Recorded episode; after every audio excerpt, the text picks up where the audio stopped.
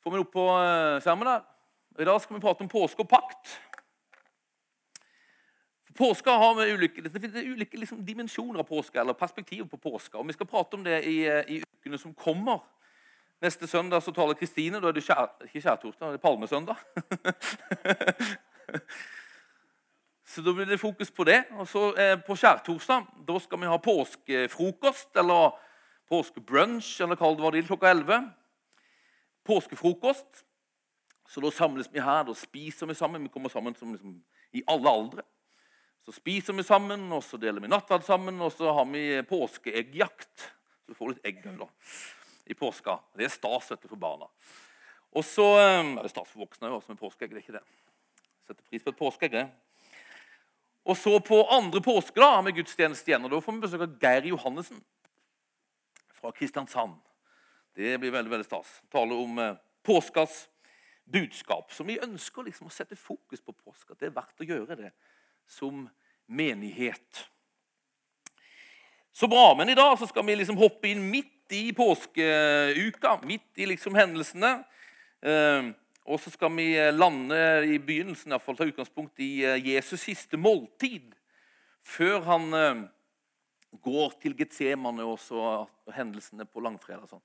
Det vi bruker liksom å prate om på skjærtorsdag. Jesus siste måltid med disiplene fra Lukas evangeliet, kapittel 22, og vers 14. Skal vi se ja, Det var ikke den. Der. Se om vi kan få vekk den der sangteksten der. står det sånn. Da tiden var inne, tok Jesus plass ved bordet sammen med apostlene. Og han sa til dem, 'Jeg har lengtet inderlig etter å spise dette påskemåltidet med dere før jeg skal lide.' For jeg sier dere, aldri mer skal jeg spise påskemåltidet før det er blitt fullendt i Guds rike. Så tok han et beger, ba takkebønnen og sa, ta dette og del det mellom dere. For jeg sier dere, fra nå av skal jeg aldri mer drikke av vintreets frukt før Guds rike er kommet. Så tok han et brød, takket og brøt det, ga dem og sa, dette er min kropp som gis for dere. Gjør dette til minne om meg. På samme måte tok han begeret etter måltidet og sa, dette begeret er den nye pakt i mitt blod, som blir utøst for dere, står det der. Og Noe av det som skjer i påska, det er at det opprettes en pakt. Det opprettes en pakt mellom Gud og mennesker.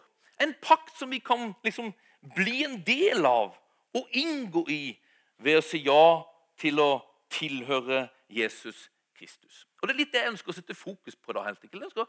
At vi skal liksom bli påminnet om det med pakt. Og bli påminnet liksom om, om, om hvilke pakter vi faktisk er del av. Altså. For dette Man kan si sånn her at um, som troende er vi del av en pakt med Gud.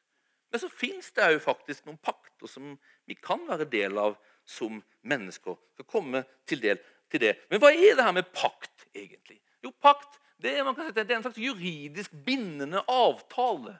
Det er en forpliktende avtale om en vareaktig relasjon som er forsegla med blod. Det er liksom den gamle ordningen med pakt. Og pakt er jo litt sånn fremmed for oss. det der. Mange tenker på det tenker da, tenker liksom på, tenker, Går du og tenker liksom på, på, i hverdagen om, om, om, pakten du er del av? Nei, du gjør jo ikke det. Eller? Jeg husker, men jeg, men jeg husker liksom, det, Første gangen jeg kom i kontakt med det med pakt Pakt var nemlig mye vanligere før. På Bibelens tid var det veldig vanlig med pakt. Og opp igjennom har det vært mye mer vanlig med pakt enn det er i dag. Men jeg husker, første gang jeg kom i kontakt med det med pakt, så, så, så var det fordi at når jeg var liten, så var jeg veldig interessert i, liksom, i western. Ville Vesten. Ville Vesten. Det er jo ingen barn i dag som vokser opp som liksom har noe som helst peiling på Ville Vesten. Men vi hadde jo det. Det var det Vi, vi lekte jo liksom cowboyer og indianere. ikke vel? Husker du det?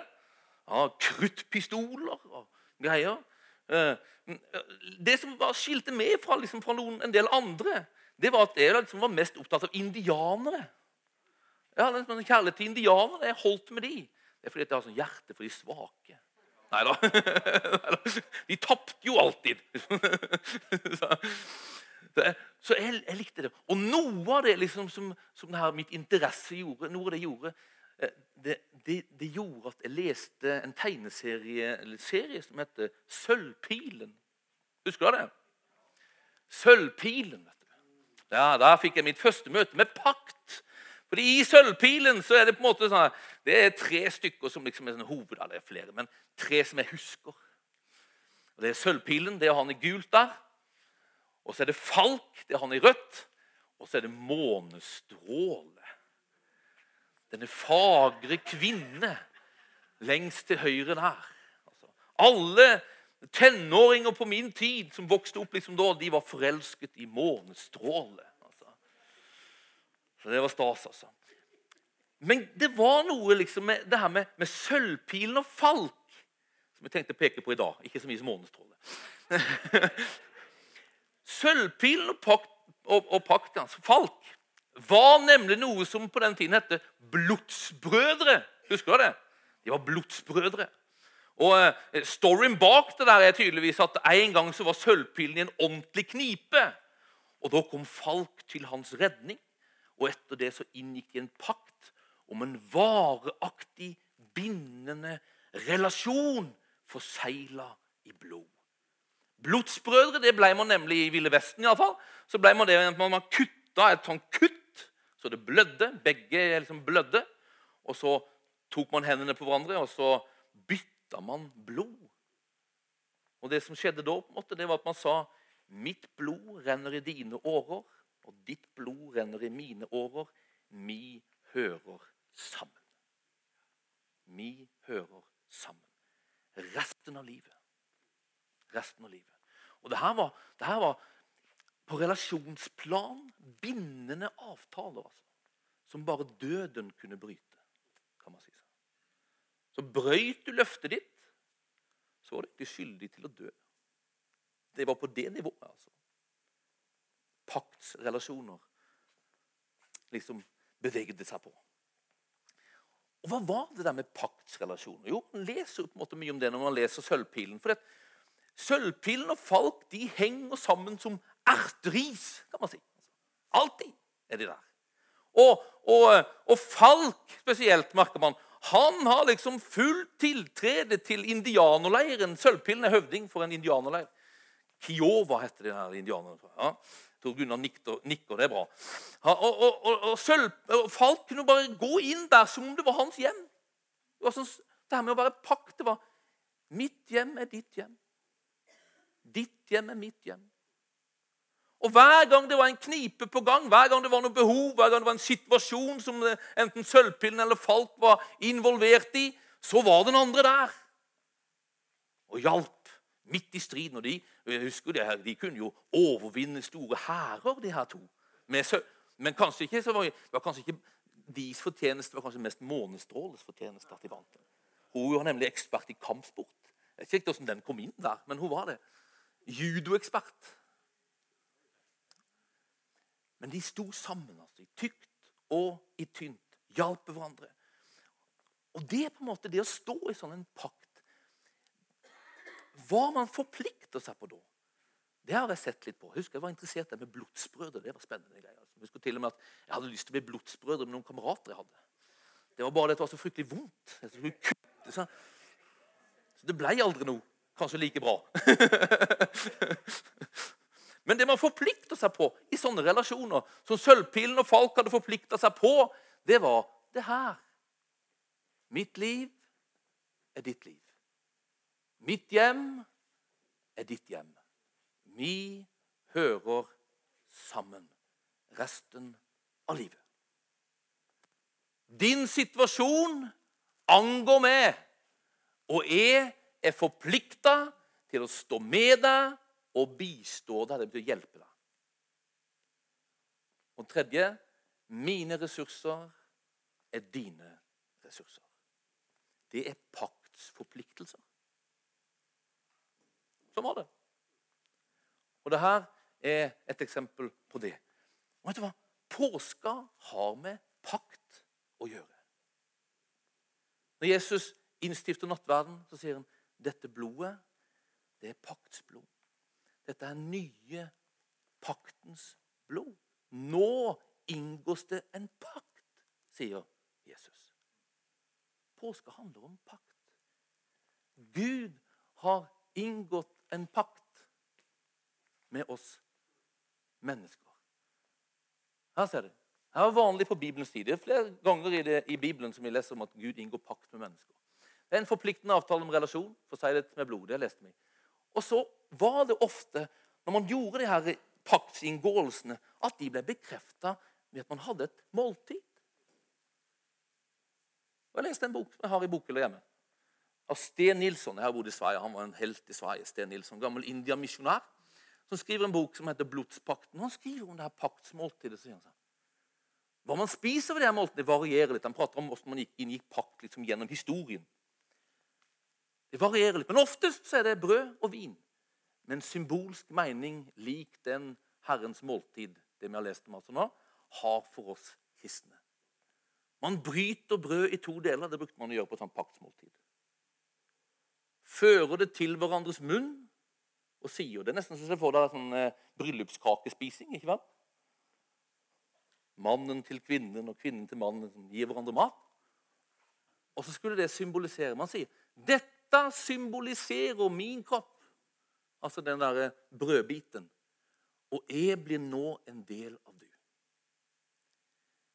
Og så serverer de hverandre vin, og så sier de denne drikk er symbolsk for mitt livs blod, som nå også er ditt blod.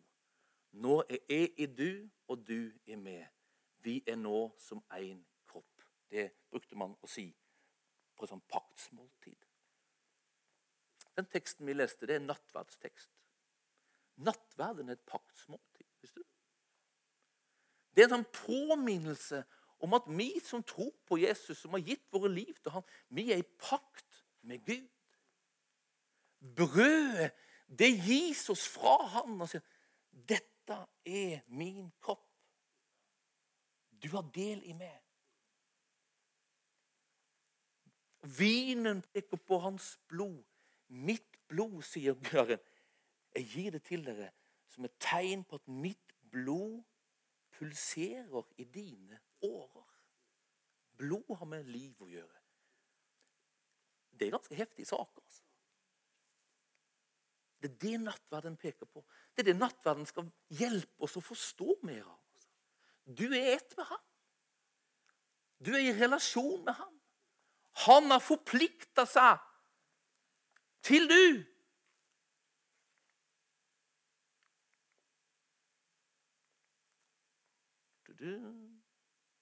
Neste bilde. Der. Hebrebrevet prater om det her. Kapittel 9 så står det Derfor er Kristus mellommann for en ny pakt. Han døde for å kjøpe oss fri fra lovbruddene under den første pakten, for at de som er kalt, skal få den evige arven som var lovet dem, står det der. Han er mellommann. For her er det nemlig noe som er spesielt med påske og pakt. Det at pakten som inngås, den er liksom annerledes enn den pakten som Sølvpilen og Falk inngikk med hverandre. For når Sølvpilen og Falk inngikk denne pakten med hverandre, så var det to likeverdige parter som sto der. Altså Hvis det er Sølvpilen Jeg vil være Sølvpilen. Så kan du få være Falk, Jens Sigve. Og da var det sånn her Jens Sigve, jeg forplikter meg. Min, mitt liv er ditt liv. Mitt hjem er ditt hjem. Din situasjon angår meg. Jeg forplikter meg å hjelpe deg. Og mine ressurser er dine ressurser. Men for at pakten skulle være inngått, så måtte Jens Sigve gjenta og si det samme. Han måtte love det samme. altså.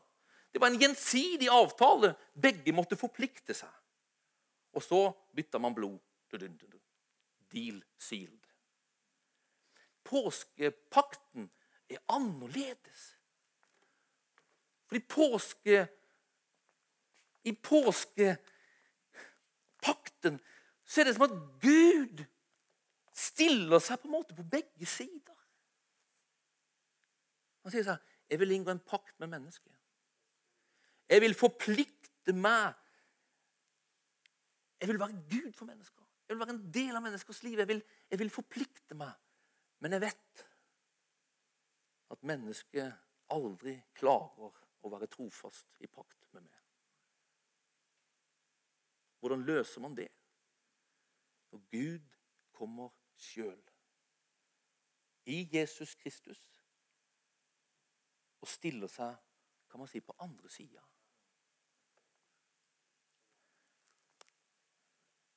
Så når Jesus kommer, så blir Gud menneske. Den eneste i hele tilværelsen som er trofast i alt. Han kommer, stiger ned. Og når Jesus dør på korset og blod utgytes, så inngås det en pakt, sier Jesus. Han blir en mellommann. Det er som at Gud stiller seg på begge sider.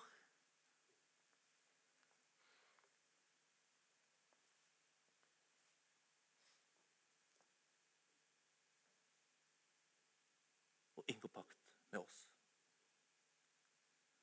Og Det der kan være verdt å fordype seg i, for det der er en del av mysteriet med påska. Hvordan kan det gå til? Det kan gjøres til spesielt interessert. Men det som er verdt å huske på, det er at den pakten Gud har inngått med oss, det er en såkalt nådepakt. Det er en nådepakt. Den gis oss som en gave. Egentlig altså, Uansett om du på en måte er, er, er verdig det, eller, eller, om du liksom Det er ikke sånn at Gud sier sånn jeg vil inngå pakt med deg, du skal få inngå i pakten med meg. Det er ikke sånn at Han måler livet ditt opp og ned, om du har fått det til eller ikke fått det til, eller om du er trofast eller Nei, nei Når han ser over alle mennesker, sier han ingen er trofaste. Ingen får det til.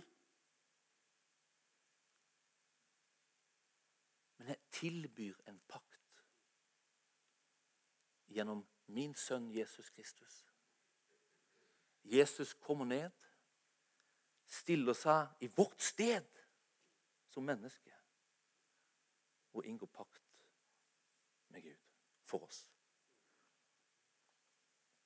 Det er spesielt med påske. Jeg vet ikke om du har lest det. Men det er som at når, når påska er der, når Gud kommer ned, når han engasjerer seg for oss i vår sak, så er det som at, at han gjør det helt alene. Og Det er nesten som at, at når, når, Jesus kommer, og når påskeuka liksom, eh, liksom eh, eh, Vi leser om påskeuka, så er det som at menneske etter menneske, venn etter venn, bare forsvinner ut. Og til slutt er Jesus helt alene. Så er det han og Gud. Og jeg tror det er med vilje. Vi har et annet eksempel på nådepakt i Bibelen. og det er når Gud inngår pakt med Abraham. Husker du det? Hva gjør, hva gjør Gud med Abraham da? Han sier han lar en dyp søvn komme over Abraham. Det er som han sier ikke bland deg inn. Det er bare tull, da. og det er nesten så påska er sånn. De sover ikke, men de blir helt forvirra. Peter er kjempekjepphøy. 'Jeg skal aldri svikte deg.' Ikke vel? Han sa, 'Jeg klarer det her.' Gjør han det? Nei.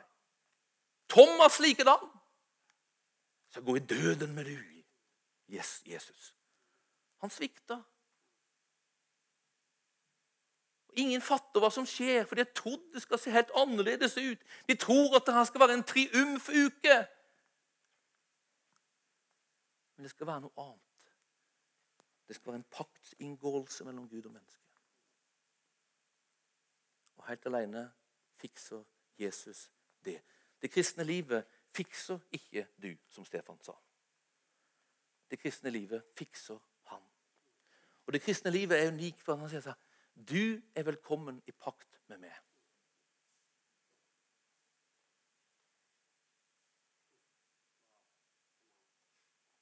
I en nådepakt der det ikke handler om at du forplikter deg. Kan man si så her? Det handler først og fremst om at Jesus har forplikta seg.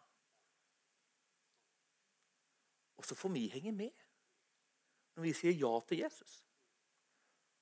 For da connecter vi med han. Da henger vi med han. Da sier Paulus at da er du i Kristus. Så du står i pakt med Gud i Kristus. Og Det som har skjedd da, det er at Gud har forplikta seg til du i pakt. Så det han sier til du når han sier 'Jeg vil være i pakt med du', det er at hans liv er ditt liv. Hans hjem er ditt hjem. Vi hører sammen. Din situasjon angår meg, og jeg er forplikta til å stå med deg og hjelpe deg. Mine ressurser er dine ressurser. Han garanterer det. Og det handler ikke om at du er en trofast paktspartner. Nei, det handler om at du tilhører han som er en trofast paktspartner. Som gjør at den pakten, den flyter på. Den Den gjelder. Den holder. Selv om du er troløs. Så når du mislykkes, så kan du takke for at du tilhører Jesus Kristus. Og derfor står i pakt med Gud. Og hva skjer i pakt med Gud? Din sak angår han. Det du trenger, vil han gi. Hva trenger du når du dreter på draget? Du trenger tilgivelse. Han gir det. Hva trenger du når du er rådvill? Du trenger råd. Han gir det. Altså, Han vil hjelpe. Han er forplikta på det. For at han er i pakt med oss gjennom Jesus Kristus. Det her med pakt, det er noe fantastisk herlig, altså. Og vi er så utrolig lite bevisste på det der med pakt. Vi er pakt med Gud. Men det det er, en, det er en utrolig kraftfull greie, altså, som skjer i påska. Gud har forplikta seg inn i ditt liv. Selv om du ikke er så veldig god til å forplikte deg tilbake. Han ønsker at vi skal forplikte oss tilbake igjen. Men det begynner ikke der. Det begynner med et velkommen i pakt. Vi begynner der. Og så vil han hjelpe deg i pakten for å gjøre du mer lik Jesus. Det er målet vårt med vårt liv. Men det begynner med at vi er i pakt. Av nåde. Det er fantastisk, det der. Han engasjerer seg i vår sak. Hva var det første han engasjerte seg? Jo, det var vårt syndeproblem. Så dagen etter Jesus spiser paktsmåltid, så engasjerer han seg i vår sak. Han gir sitt liv på korset for å løse syndesituasjonen som alle mennesker er i. Han er fortsatt trofast i pakt. Han er fortsatt for engasjert og forplikta i pakt med oss. Husk på det, da, når du tror på Jesus. Du er i pakt med ham. Du er i pakt med ham. Pakt er som sagt noe som vi på en måte tenker fryktelig lite på. Og egentlig burde vi tenke mer på det. For det fins en pakt som fortsatt er på en måte holdt jeg på å si, relevant for oss i dag. Og det er ekteskapspakten. Ekteskapet er en pakt, min venn. Har du tenkt på det? Du som er gift, du er i pakt med et annet menneske. Og da er vi tilbake igjen til en pakt som ligner sølvpilen og Falk sin pakt. For det er jo ikke sånn når du går i kirka, går fram kirkegulvet, så er, det, så er det bare den andre parten som forplikter seg til du. Liksom. Lover og han sier så, Det er ikke sånn at når jeg er, og Kanskje det er en dårlig bilde nå. tror jeg man er på Hjørdis nesten istedenfor. Altså. Når Hjørdis og Terje liksom uh, gifter seg, så er det ikke sånn at uh, Terje sier 'Mitt liv er ditt liv', og, og, og 'din sak, det angår meg', og 'mine ressurser er dine ressurser'. Men du trenger ikke å love meg tilbake. Nei, da må Hjørdis love tilbake. ikke Men den pakten er inngått mellom du og din ektefelle hvis du er gift. Tenker du på det? Du har lovt at ditt liv er den andres liv. Du har garantert at din situasjon angår meg, og mine ressurser er dine ressurser. Det er en pakt for hele livet, bruker man å si når man, eh, når man eh, leser de her eh, ekteskapsordene som, liksom, som pastor. Husk på at det er en pakt for hele livet. Det er bare ingen som hører du sier det. For alle bare gleder seg til det første kysset eller gleder seg til middagen. Eller. Men det er en reell greie. altså. Ekteskap er en pakt. Det er en pakt. Og jeg tror Vi må nødt til å, å oss om det, bli bevisst på det. At det faktisk er, det er en forpliktelse der. For ekteskap i vår, i vår, vår tid er, liksom, det, det er under angrep. Det Det er noe på en måte som vi strever med alle mann. altså. Vi tar hverandre som en selvfølge. Og det er fryktelig lett at ekteskapene våre blir istedenfor at mitt liv er ditt liv, så blir det mitt liv og ditt liv. Ikke sant? Vi deler et hjem, men det er mer liksom av praktiske årsaker. Vi begynner fort å gli især. Vet ikke om dere har merka det? Det er i hvert fall det. Altså, ekteskap krever arbeid. Og jeg tror et ekteskap som man arbeider med under tida, blir dels sterkere ekteskap. Og så tror jeg det går å unngå en del ekteskap, at en del ekteskap går i stykker. Det fins masse grunner til at ekteskap går i stykker. altså. Og Det her handler ikke om å lykkes eller mislykkes. eller Vi har mislyktes alle mann altså, til, i ulike former. Men det å være bevisst på at ekteskap er en pakt, det er en relasjon som må jobbes med, tror jeg er utrolig relevant for vår tid. altså. Så jeg har bare litt lyst til å, å, å, å adressere litt det der. Hva, hva, er det som gjør at ekteskapet vårt på en måte glir især? Jeg tror det er mye det handler på det her. Vi glir fra hverandre. på en måte.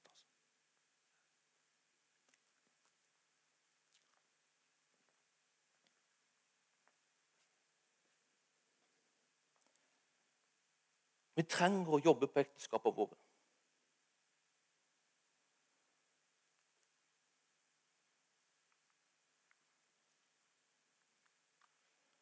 Det, å leve i ekteskap det kan være enten himmel eller helvete. Jeg vet. Jeg har erfart begge deler. Jeg har et ekteskapsbrudd bak meg, så jeg know all about it. Og Jeg misunner ingen å leve i et helvete. Men jeg ønsker alle at alle skal erfare ekteskap som himmel. Men det krever visse ting. At et himmelsk ekteskap ser ut som noe. Og ekteskap generelt ser ut som noe. Ekteskap er ikke hva som helst. Ekteskap er en forpliktelse der to parter legger ned livet for hverandre. Det fins ikke rom i en pakt, en ekteskapspakt for vold og, og liksom eh, ha, uh, sånn, altså man, man uh, Harassment heter det på engelsk. Det var engelsk engelske ordet. Altså, trakassering. Altså, det, utroskap. Det er liksom ikke, det er ikke rom for det i ekteskapspakten. Den ser ut som noe. Den ser ut som to parter som legger ned sitt liv for hverandre. Og Kanskje ikke du er gift, kanskje ikke dette føles så relevant for deg. Men det her er relevant for alle relasjoner. Selv om ikke det er formelt som paktsrelasjoner, så er alle relasjoner på en måte vedlikeholdes og styrkes og fordypes på samme måte. altså. Ved at man gir seg sjøl til en annen.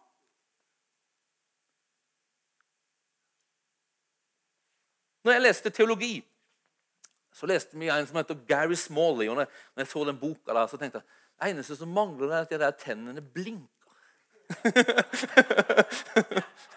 og så tenkte jeg så, Det er typisk amerikansk bestselgerbok. liksom. Ikke vel?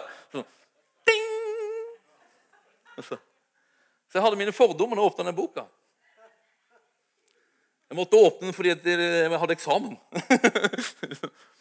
Men han skriver en del ting som er veldig veldig bra. altså. Og det han prater om, og Den boka som vi leste, det er egentlig ikke en ren ekteskapsbok, selv om det handler mye om det, men det handler om relasjoner. Så hvis ikke du er gift, det her er relevant for du òg. Hvordan jobbe på relasjoner. Og han sier seg Ja, nå sa han det. Han sa det fins i relasjoner, og, og, kanskje særlig i ekteskapsrelasjoner, altså dødens dans. sa han. Der det på en måte det, det, det, det skjer noe. Vi sårer hverandre. Og når man blir såra av den andre, så er det som at det oppstår et behov for nærmest å gi igjen eller betale tilbake eller å få oppretta en slags Noe som på en måte har, har såra og ødelagt stoltheten din. Altså. Skapt et sår. Sår skaper et behov for en gjenopprettelse eller en tilbakebetaling. Og så fins det, sier Gary Smalley, i alle mennesker en frykt for en del ting. Han bruker til sånn, Kvinner generelt har ofte en frykt for å bli gjort hjelpeløs eller for å miste relasjon eller for å ikke bli hørt eller ikke bli satt verdi på. Det er sånn frykt kvinner har. Så når det på en måte angripes, når den frykten liksom oppstår, så, så blir det sånn Det der må repareres. Det der må liksom tas tilbake igjen. Menn har ofte en slags frykt for å bli kontrollert eller bli gjort hjelpeløs eller for å oppleve seg mislykka, skriver Gary Smalley. Nå er ikke han sånn her, Det er ikke Guds ord, altså, men jeg kjenner igjen noe av det der. Altså. Nå er, nå er jo Sandra vi, Det verste jeg vet med Sandra Nå blir personen hun er ikke her, så kan jeg si hva som helst. Nei, det, det handler mer om meg enn hun. det verste jeg vet altså, med Sandra, det er på en måte når hun behandler meg henne jeg får opplevelsen Nå er hun min mamma.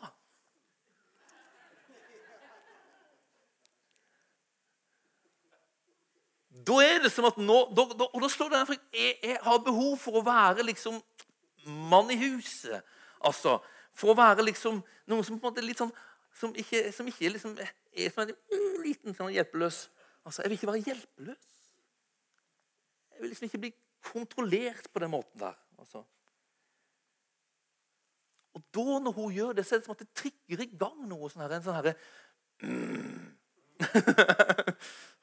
Når vi, hadde småbarns, vi var småbarnsforeldre, gikk vi på kurs i, på familie, nei, ikke på Familiens hus, men dere har jo sånn jorden, sånn koskurs.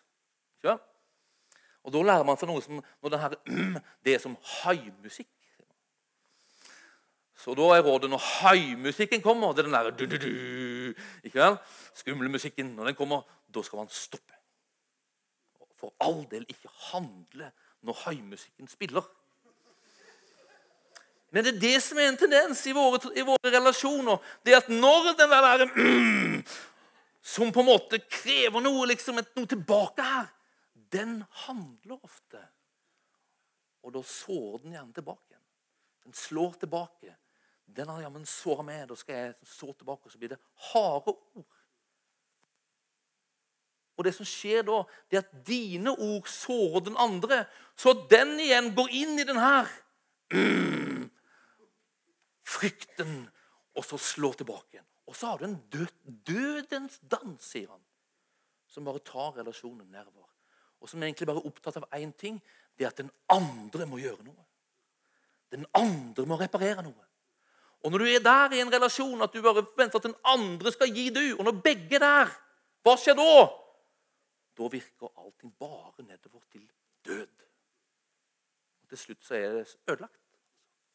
Da man sårer hverandre så lenge at ting er ødelagt. Nei, sier denne Gary Smalley. Man må, man, må, man må, være bevisst på det her, sier han. Og så må du avsløre denne negative dansen, sånn at du kan vende den til en positiv dans, eller en livets dans. Og Det første du må gjøre, det er å ta ansvar. Du kan nemlig bare forandre deg sjøl. Det er en veldig fin regel. Så du må ta ansvar for din dødsdans, din murring, din haimusikk, og stoppe den destruktive handlemåten du holder på med.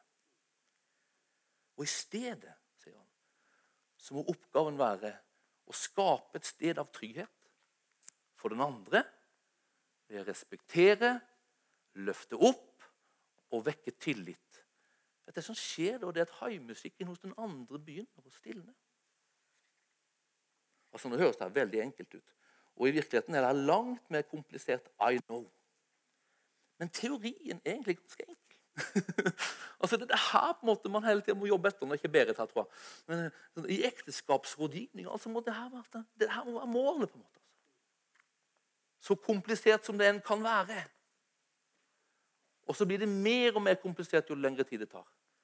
Så om du er i den dansen, stopp opp Og om du behøver det, søk hjelp. Altså. Skap trygghet for den andre ved å respektere, løfte opp og vekke tillit.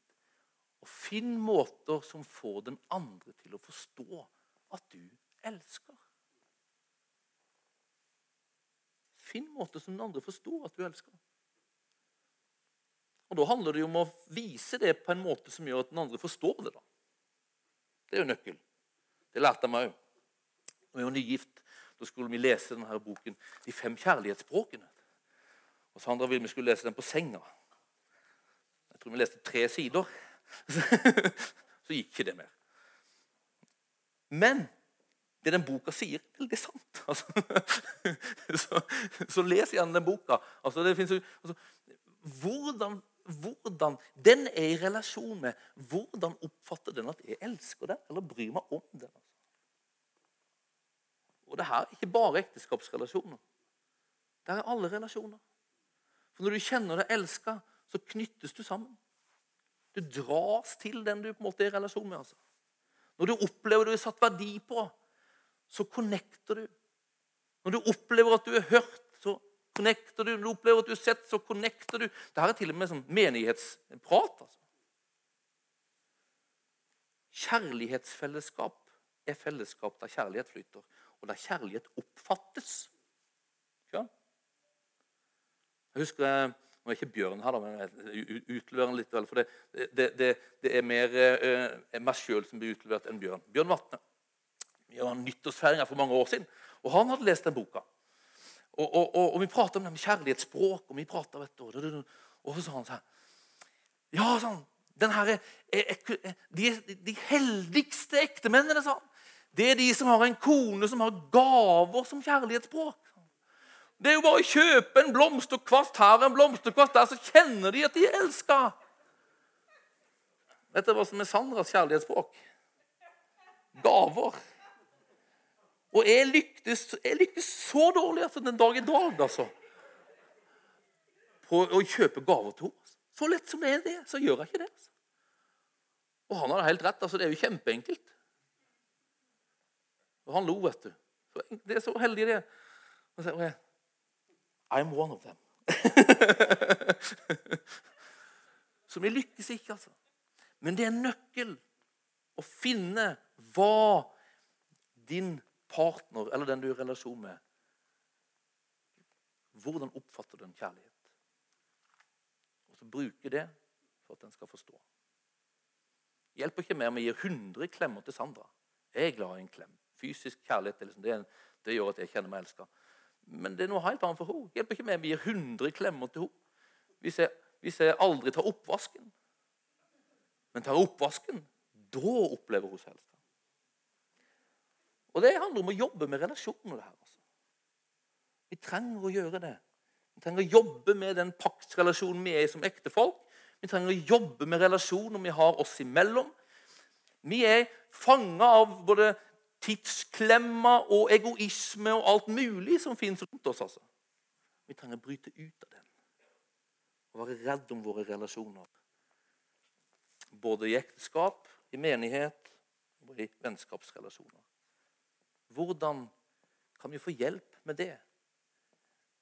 Lese Gary Smalley? Ja, det være bra. Men husk, da. Du er i pakt med en annen som har forplikta seg til å hjelpe du med dine situasjoner og dine liv. Ditt liv angår meg.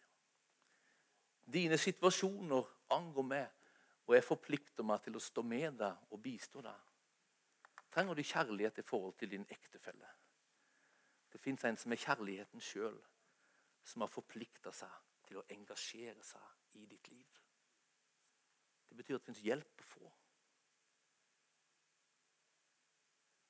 Trenger du tålmodighet? Han har det. Trenger du overbærenhet? Han har det. Trenger du hjelp med å tilgi? Han kan det. Påske handler om pakt. Pakten med Gud, men òg en påminnelse om pakt og relasjoner som du står i. Vi trenger sterkere relasjoner. Og selv om ikke vi er gift med hverandre, selv om ikke vi har bytta blod med hverandre Det gjør man jo om man gifter seg. Det seksuelle, det er en, det er en, Da bytter man blod. Det er derfor seksuelle forsegler ekteskapet. Det er derfor det seksuelle har på en måte et sted da det er ekteskap mellom mann og kvinne. For det forsegler en relasjon, en paktsrelasjon, som ekteskap skal være. Men vi trenger sterkere relasjoner. Vi trenger relasjoner der vi forplikter oss til hverandre. Der vi gir løfter til hverandre, gir ord til hverandre som vi tenker å stå ved. Vi er skapt for relasjoner. Og det er en folkesykdom i vårt land ensomhet. Så vi trenger sterke relasjoner. Og jeg lengter etter en menighet òg der, der, der det vises opp og der det leves ut relasjoner som drar mennesker og attraherer mennesker. Og som gjør at mennesker får erfare det man lengter etter på relasjonsplanet når man kommer hit. Så påske har med pakt å gjøre. Påske har med relasjon å gjøre. Med Gud og med hverandre. Lovsangere, kom. Himmelske Far, vi takker deg for det du gjorde for oss i påska. Takk at du forplikta deg, inngikk pakt som tilbys oss som nåde, som en gave, Herre. Der du ikke spør hva vi kan bringe inn, egentlig. Der du ikke stiller betingelser at vi først må love det eller oppfylle det for at du skal ville forplikte deg til oss. Du forplikter deg til oss. Og ved at vi tar imot den tilbudet ved å si ja til Jesus, så er du fortsatt forplikta inn i våre liv. Hjelp oss å være bevisst på det. Hjelp oss å søke oss til det. Hjelp oss å hente hjelp fra det, Herre. Far er bare pris og ære og lov. Så bare ber at du hjelper oss, Herre, òg til å forvandle oss, Herre. Til sjøl å bli trofaste i relasjon. Trofaste i relasjon med du, men òg trofaste i relasjoner med hverandre, Herre. I ekteskapa, men òg trofaste og lik du i relasjon med barna våre, vennene våre, menighetssøsknene våre. Kom du og hjelp oss. Kom du